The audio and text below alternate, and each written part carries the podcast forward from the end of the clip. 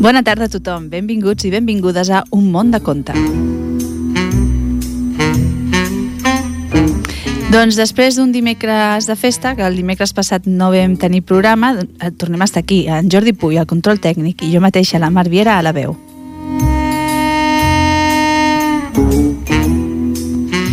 Doncs suposo que ens haureu trobat a faltar, no? Això m'agradaria imaginar. Ho sabeu, estem a l'emissora municipal, a Ripollet Ràdio, al 91.3 de la FM, i us recordo, la web on ens podeu trobar si no heu pogut escoltar el programa d'avui, www.ripolletradio.cat.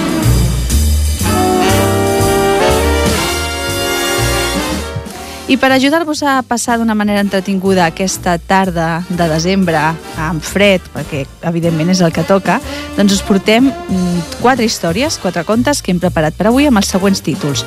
Vull una germaneta, la Geni i el fabricant de problemes, l'esbojarrà de Rubí i el sol dins de casa.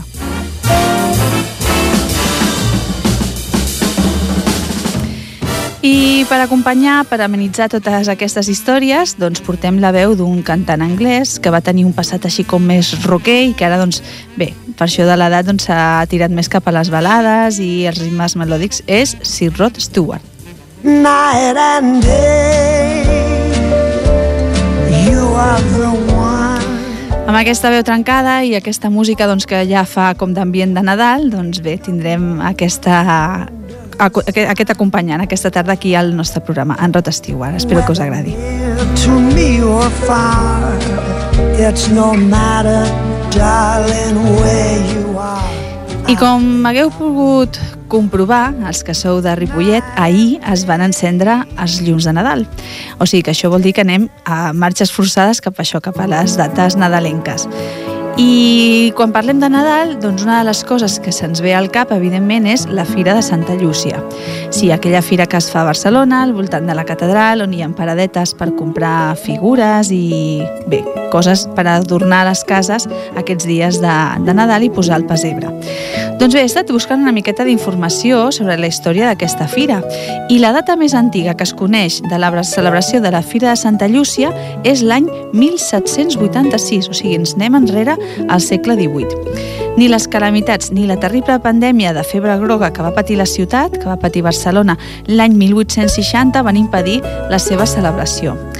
Es parla de Santa Llúcia com a patrona de les modistes, dels sastres i de tots aquells que treballen l'art de l'agulla, és a dir, tothom que es dedica a cosir, i també de les persones cegues. Als segles XIX i XX, algunes poblacions de Catalunya, on es celebrava aquesta, aquest sant, aquest, aquest dia, el dia de Santa Llúcia, les nenes que estudiaven costura feien festa i anaven pel poble o per la ciutat cantant i, i recitant salms. I la gent les anomenava les llucietes. A d'altres llocs, les noies es reunien per escoltar missa i després anaven per les cases a recollir donatius. Una d'elles representava Santa Llúcia, és a dir, es personificava com la santa, com Santa Llúcia, i la resta eren les anomenades cardenales. A Barcelona, les modistes es reunien al Parc de la Ciutadella i allà doncs, feien una gran festa. Però el que és cert és que durant aquestes dates es feia, per una banda, una fira de figuretes, que és semblant a la que podem trobar ara, i també hi havia una altra fira paral·lela, que era la fira dels elements per construir el paisatge d'Espesebre, és a dir, la molsa, el suro, la murtra, eh, el llorer, que també es posa... Bé, amb l'augment de l'afició la, pels, pels pessebres, eh, les dues festes van créixer molt i d'alguna manera es van unir i és el que ara coneixem com aquesta fira, la Fira de Santa Llúcia. Actualment és una fira molt gran, podem trobar més de 280 parades que estan ordenades per sectors i que estan ubicades, com sabeu, davant del Pla de la Seu a l'Avinguda de la Catedral. Aquest any la Fira de Santa Lluïcia anirà del 30 de novembre fins al 23 de desembre, o sigui, teniu encara molt de temps si la podeu visitar i trobar doncs, aquella figura que us falta pel pessebre o aquell adorn que us agradaria tenir per l'arbre. I bé, com que ja estem en l'era aquesta de la modernitat i tothom té accés a les noves tecnologies, han creat un web, un web de la Fira de Santa Lluïsa. Eh, si poseu firadesantallúcia.cat eh, anireu directament a la pàgina i allà podreu saber doncs, bueno, quin tipus de parades hi ha, us recordaran les dates, etc. Tot d'informació al voltant d'aquesta fira. Us convido a que passeu.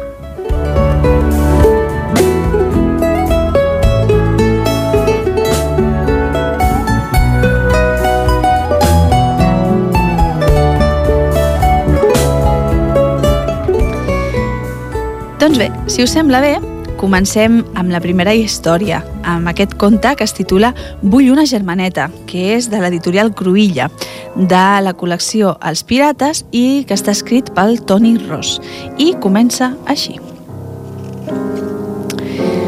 Vull fer constar el meu agraïment a Sant Quiu Sieu i a Samantha Riches, que em van donar la idea per a aquesta història i el permís per fer-la servir quan eren a l'escola primària a Londres. Augmentarem la família, va dir la reina. Visca, va fer la princesa, tindrem un gos. No, un gos no, li va dir el rei, una criatura. Visca, va fer la princesa, vull una germaneta. Doncs potser serà un germanet, li va dir la doctora. Aquestes coses no es poden triar. Jo no vull un germanet, va fer la princesa. Els nens fan pudor, no m'agraden. I les nenes també, li va dir la minyona. De vegades tu fas una flaire que déu nhi Jo no vull un germanet, va fer la princesa. Els nens són uns tabalots. Les nenes també, li va dir l'almirall. I tant, les nenes com els nens. Tots són bons mariners. Jo no vull un germanet, va fer la princesa. Les joguines dels nens no m'agraden gens. A mi m'agraden les de les nenes. Les nenes també poden jugar amb les joguines dels nens, va dir el primer ministre. Però és que, va fer la germaneta, jo no vull un germanet. Per què? li van preguntar tots plegats. Perquè vull una germaneta. Un dia, la reina se'n va anar a l'hospital. La princesa li va recordar. Mare, mare, ja saps que vull una germaneta. I si és un nen? li va preguntar la seva cosina. El tiraré a les escombraries, va dir la princesa. Quan la reina va tornar a casa, el rei portava la criatura al braç. Digue-li hola, va fer la reina. Oh, que bufona, va dir la princesa. No, bufó, va dir el rei. És un nen, un príncep. Jo no vull un príncep, va fer la princesa. Vull una princesa. Però de princeses ja en tenim una, que és molt maca, va dir el rei i la reina. Qui? va fer la princesa. Tu, van dir el rei i la reina. We must remember it now.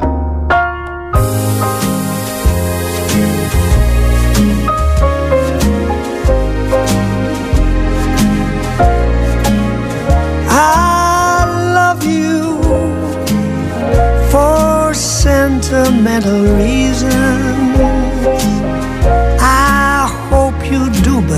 believe me. I've given you my heart. I love you, and you alone were meant for me. Please give your loving heart to me. And say we'll never ever part of you every morning, dream of you every night. Darling, I'm never lonely whenever you're inside. All because I love you for sentimental reasons.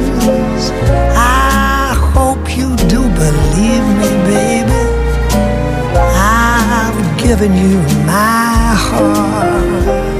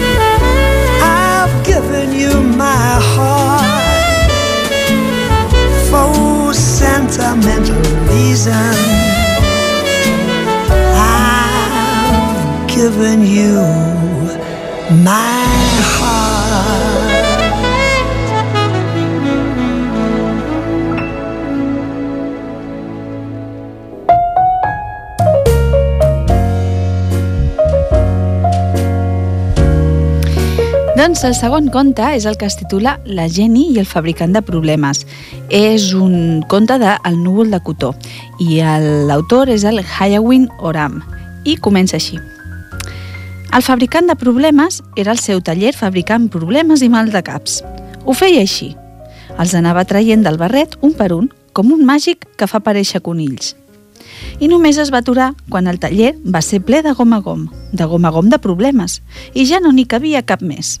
I quan l'aldarull de les baralles se li va fer insuportable. Aleshores els va ficar tots dins el seu camió de mudances negre amb un rètol on es podia llegir. Servei de lliurament de problemes urgent, el fabricant de problemes en marxa. I els va anar lliurant, com sempre, personalment i a correcuita. Ara un a la bústia, a la bústia dels Dixon, ara un altre per la xemeneia dels Duff, un parell més per sota la porta de l'Annie, un altre parell amb la llet del senyor Mook, una altra nit de feina ben aprofitada per al fabricant de problemes. I ja se'n tornava cap a casa amb el camió buit quan tot d'una va sentir uns plors que sortien de l'habitació de la Jenny Green. «Criatura», va dir-li, «quins problemes tens ara?» «Si algú pot saber-ho, ets tu», va gemegar la Jenny. Però, bonica, tothom en té de problemes. Com els meus, no, que no en tenen d'aquests, ploriquejava la Jenny. El fabricant de problemes va ficar el nas per l'habitació de la Jenny, que era gairebé a les fosques. A tots els racons hi havia problemes que feien ganyotes i reien satisfets. Eren els problemes de sempre, sentir-se diferent, no fer les coses com un voldria, creure que et deixen de banda o que no t'estimen, sentir-se abandonada, voler coses, prohibicions, haver de dir mentides perquè et creguin. I ara aquest, va dir la Jenny tot assenyalant un problema petitonet i vermellet que ballava a la lleixa de la xamaneia. Tot el problema de les pigues. I la Jenny va enfonsar el cap al coixí i va plorar. I va plorar i plorar fins que el va haver deixat ben xop. El fabricant de problemes era un home dur, però tampoc no era de pedra. D'acord, bonica, va cedir tot sospirant. Demà a mitjanit sigues al camp que tinc al darrere de casa i porta'm tots els teus problemes. L'endemà, el fabricant de problemes no en va fer cap de nou. Es va passar tot el dia corrent darrere d'ells per atrapar-los. Quan la Jenny es va presentar al seu camp, ja els tenia tots, centenars i més centenars de problemes d'altres persones ficats dins de sacs grisos. El fabricant de problemes va posar els de la Jenny dins d'un sac i es va llançar al camp amb tota la resta. I ara, va dir-li, ja pots escollir el sac que més t'agradi. La Jenny va córrer per tot arreu i va tafanejar els problemes de tothom. Els d'en John Briggs, horribles. El de la Susie Miller, espantosos. Els d'en Peter Wilson, massa feixucs per una persona sola. Els del seu amic Fred, encara més feixucs els d'en Frank per fer posar els cabells de punta, els de la Bel per plorar. Ningú no hauria de tenir problemes com aquests, va exclamar la Jenny. Però la gent en tenia, i de pitjors encara. Finalment la Jenny va trobar un sac ni massa gros ni massa petit. No es bellugava tant com els altres i els sorollets que en sortien eren més simpàtics. I va ficar el nas. Sí, aquest, va dir alleujada, amb aquest sí que podré i tot aixecant el sac se'l va posar damunt l'espatlla sense gaire esforç. «M'enduré aquest, senyor fabricant de problemes», va decidir. «N'estàs segura?», va preguntar-li el fabricant de problemes. «Seguríssima», va dir la Jenny, i se'n va tornar cap a casa, tota contenta, amb aquell sac que li semblava més lleuger a cada passa. I aquesta és la fi de la història, encara que segur que vols saber quins van ser els problemes que va escollir la Jenny. Eren precisament els seus. Pel que fa al fabricant de problemes, es va passar tota la nit retornant els problemes als seus propietaris. I ho va fer com sempre, llançant-los a l'atzar. De manera que si d'aquí a no gaire et lleves un bon matí i trobes que en comptes dels problemes de sempre en tens un sac de nous, doncs ja saps què ha passat.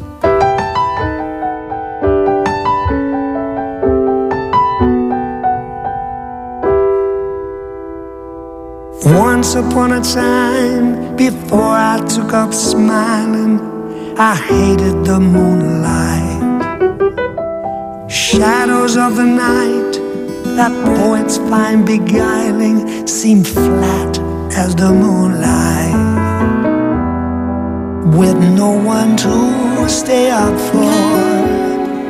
I went to sleep at ten. Life was a bitter cup for the saddest of all men.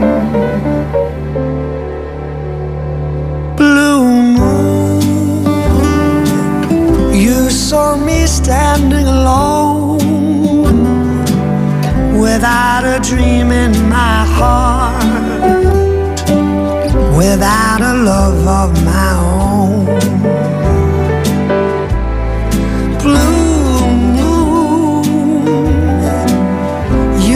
Just what I was there for. You heard me saying a prayer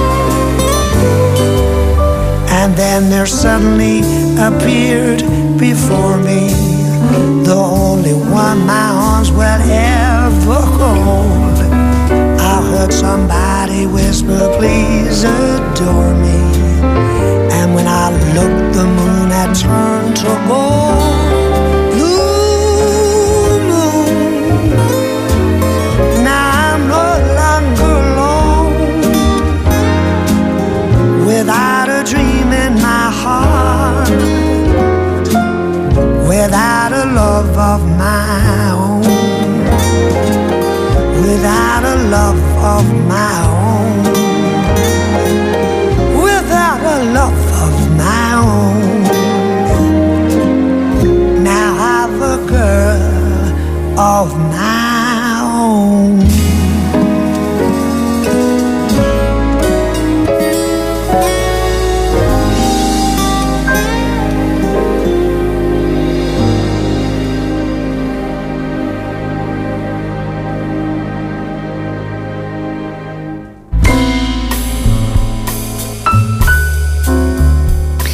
Doncs continuem amb la següent història, que també és del, de la col·lecció El núvol de cotó i, i del mateix autor que el que hem llegit abans, d'en Hiowin Oram. Eh, són llibres perquè us els llegeixin, eh? i com sempre sabeu que us recomanem que aneu a la Biblioteca Ripollet, que allà podeu trobar doncs, tots aquests títols i molts més. Aquest es titula L'esbojarrada Rubí, i comença així. Hi havia una vegada una nena que es deia Rubí, la Rubí resplendia com el nom de la joia amb el qual l'havien batejada. La gent no podia estar-se'n de fixar-s'hi. La Rubí és tan bonica, s'exclamaven, que n'és de preciosa. I a mi m'ho dieu? els replicava la seva mare. La Rubí és tan preciosa que jo li dic així, preciosa. De fet, és tan preciosa que espero que quan es faci gran es casi amb un príncep que la tingui consentida i només la tregui per dur-la a banquets d'aquells on tot brilla. La Rubí procurava no sentir les espantoses prediccions sobre el seu futur, però les feien tan sovint que era impossible desfugir-les i va decidir demanar consell al seu amic Harvey. Procura no ser gens preciosa, va proposar-li en Harvey. Però com faig això? va preguntar-li la Rubí. Doncs fent esbojarrada, va respondre en Harvey. I la Rubí es va tornar esbojarrada, però molt i molt esbojarrada. Mireu si es va tornar esbojarrada, que va dir a tota la colla del pati que sabia volar. I en acabat van haver-li de fer quatre punts a la closca, perquè realment no en sabia. Ai, Rubí, nineta preciosa, ploriquejava la seva mare. Si no vas més en compte, mai no arribaràs a fer-te gran i no et podràs casar amb cap príncep que et tingui consentida i només et tregui per dur-te banquets d'aquells on tot brilla. Ui, que bé, va pensar la Robi per si. I encara es va tornar més esbojarrada i va dir que sabia ballar com una acròbata russa al damunt del manillar d'una bicicleta en marxa. I li van haver de posar quatre punts més a la closca, perquè en realitat no en sabia. Ai, Rubí, bufona meva, va dir-li la seva iaia. Vuit punts i encara no has fet set anys? Si no vas amb més compte, mai no arribaràs a gran i no et podràs casar amb cap príncep que et tingui consentida i et faci sortir només per donar ordres als criats. Fantàstic, va pensar la Rubí. I encara es va tornar més esbojarrada. I va pujar en un vaixell. I quan el capità del vaixell la va trobar, la Rubí va dir-li que el seu pare era un ogre de debò, disfressat amb vestit de ratlles. I la seva mare? La seva mare era una lloba que duia pantalons texans. Per tant, no podia enviar-la a casa de cap de les maneres perquè se la cruspirien. La qual cosa va fer que el pare de la Rubí tornés més d'hora de la feina. Molt, però que molt empipat. Rubí, així no anirem enlloc, va renyar-la. Si no pares de dir mentides i no procures anar més amb compte, mai no et podràs casar amb cap príncep i la teva mare i jo ens quedarem molt, però que molt decebuts. Sí que em sap greu, va dir la Rubí, tot deixant anar una altra mentida. I va continuar tan esbojarrada que va dir que es podia capbussar en una peixera tot saltant des de qualsevol taulada i gronxar-se cap per avall des de dalt de tot un gratacel penjada dels cordons de les sabates i caminar damunt de l'aigua amb botes de plom i travessar la gorxa xedar sense mans i empassar-se foc i espasses i erissons i ficar-se a la gàbia d'una serp pitó i donar la mà a un pop i fumar-se cinc caliquenyes entre els matolls sense marejar-se. I es va haver de passar sis setmanes a l'hospital perquè no podia. De fet, se'n va sortir però amb les dues cames trencades, els ulls de vellut, 5 costelles partides, 16 punts, 10 dits trencats, 8 blaus i una sensació tot estranyota a la panxa. Quan la seva mare i el seu pare van anar a veure-la, no feien cara d'estar gaire contents. Ets una nena molt, molt esbojarrada, van renyar-la. I no sóc preciosa? va preguntar la Rubí. Gens preciosa, va saltar la seva mare. Gens ni mica? va insistir la Rubí. Gens, però que gens ni mica va contestar-li el pare. Ja no sóc prou preciosa per casar-me amb un príncep que em tingui consentida i només em tregui per dur-me banquets d'aquells on tot brilla i per donar ordres als criats? I tant que no, va somiquejar la seva mare. I ara? es va queixar el seu pare. Visca! va fer la Rubí i es va refer de seguida. I va anar a veure el seu amic, en Harvey. Ja s'ha arreglat tot, Harvey. Ara ja puc deixar de ser esbojarrada i fer-me gran. I et casaràs amb mi? va preguntar en Harvey, tot esperançat. I seré bomber, va explicar la Robbie, ben feliç.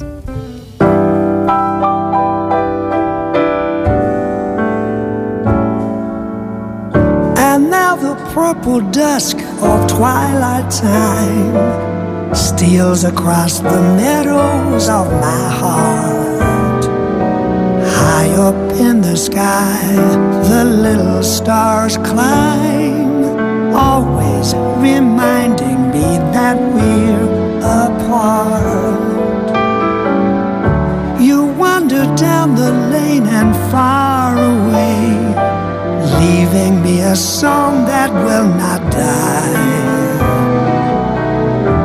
Love is now the stardust of yesterday the music of the years gone by. Sometimes I wonder why I spend the lonely night dreaming of a song. The melody haunts my reverie, and I am once again with you when our love was new and each kiss an inspiration. But that was long ago. Now my consolation is in the stardust of a song beside a garden wall when stars are bright. You are in my arms. The nightingale tells his fairy tale, a paradise where roses bloom. Though I dream in vain, in my heart it always will remain my stardust melody, the memory of love's refrain.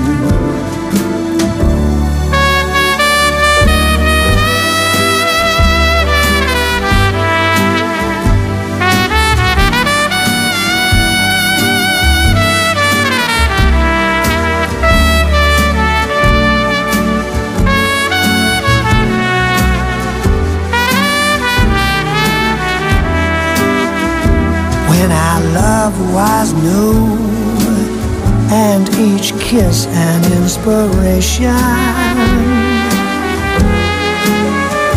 But that was long ago.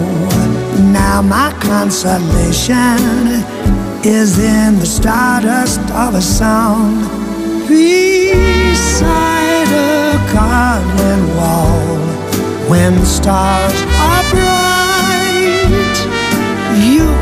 In my arms. The nightingale tells his fairy tale, a paradise where roses bloom. Though I dream in vain, in my heart it always will remain. My stardust melody the memory of love's refrain.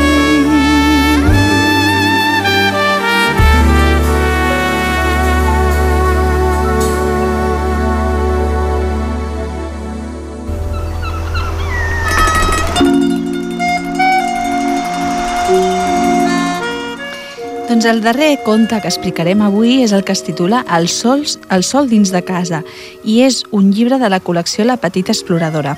Aquest conte té un text d'en Joan de Déu Prats i comença així. A la tarda, la llum passa a través de la persiana com vetes daurades i dins de cada veta floten volves de pols.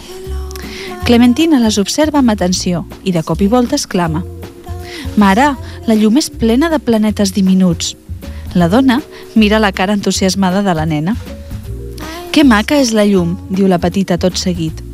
Vols que anem a explorar, Clementina? La menuda no es fa pregar dues vegades i d'una revolada. Aleshores la mare obre l'habitació i diu La foscor. Clementina es batant els ulls perquè de sobte té una idea. Mare, la foscor és com la nit. Com una nit sense estrelles, filla, però ja és hora que es faci la llum i pitja l'interruptor. I la nena es queda bocabadada mirant cap amunt. Mare! salta tot d'una. Les bombetes són com sol petitons penjats del sostre. I afegeix amb alegria tot pitjant l'interruptor diverses vegades. Puc fer el dia i la nit quan vulgui. Amb efecte, la mare li passa la mà pels cabells i diu si penses que la foscor és una petita nit guardada dins d'una habitació, mai no li tindràs por. La menuda mira la seva mare amb ulls brillants i finalment esclata. Mare, m'agradaria molt veure un estel. La dona somriu i regira un calaix fins que hi troba una cosa. Clementina, fes la nit. I la nena pitja l'interruptor. Passen uns segons fins que la petita deixa anar un oh d'admiració en veure una estrella dansant dins la foscor. És la mare que ha encès una bengala de Sant Joan. I ara toca veure la lluna plena, fa la dona tornant a encendre el llum. I porta la nena fins a la cuina, on sobre la taula amb les tovalles negres destaca un plat blanc. Senyoreta, és hora de sopar. I li omple el plat. Clementina mira la seva mare amb els ullets enriolats. M'agrada menjar-me la sopa dins la lluna. La mare també somriu. I recorda-ho, Clementina, les exploracions com es fan? Sempre acompanyats com fan tots els exploradors grans.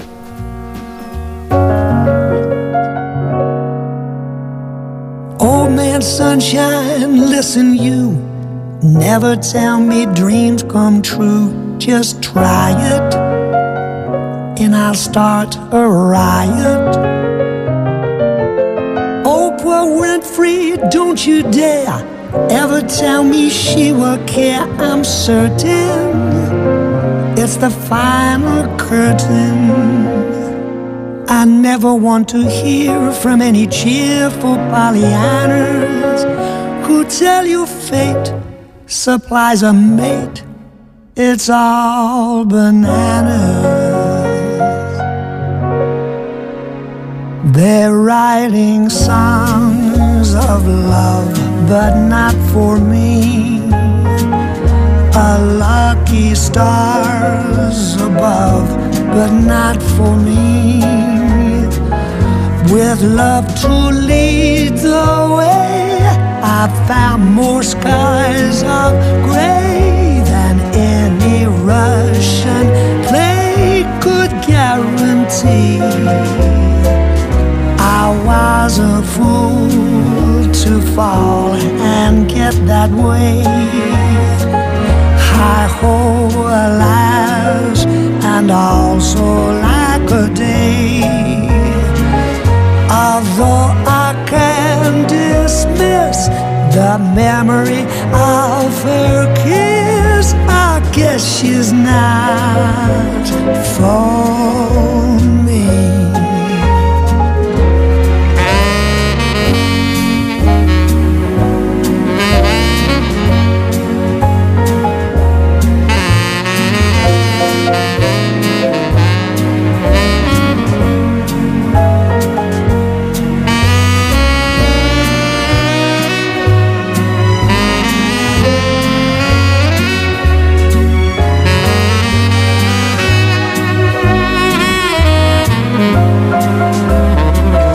It all began so well, but what an end? This is the time a fella needs a friend. The climax of the plot should be a marriage knot, but there's no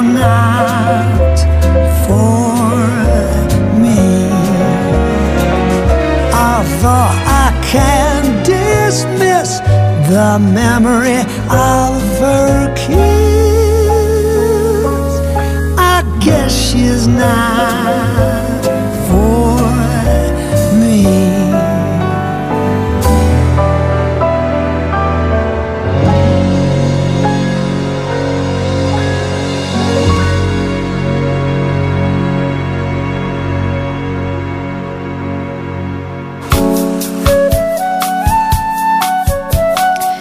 Doncs bé, hem arribat al final del programa i hem acabat els nostres contes, els tornarem a ficar a la motxilla i el dimecres que ve doncs, portarem nous títols i noves històries que esperem que us agradi.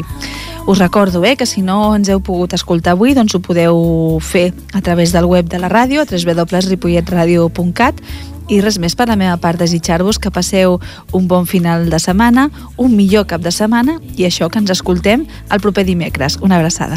Night and day. You are the one, only you beneath the moon and under the sun.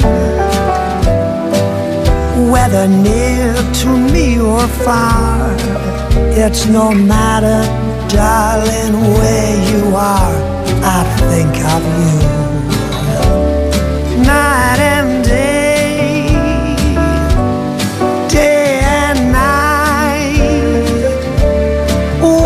is it so that this longing for you follows wherever I go? In the roaring traffic's boom, in the silence of my lonely room, I think of you.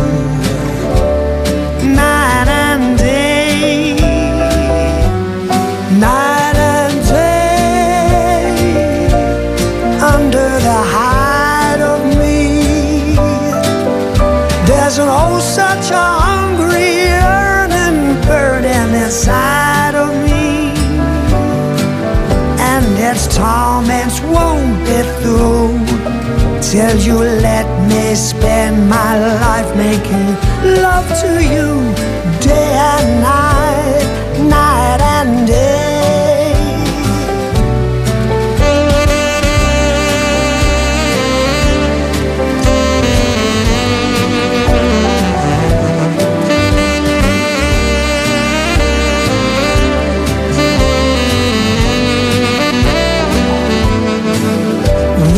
near to me or far. It's no matter, darling, where you are. I think of you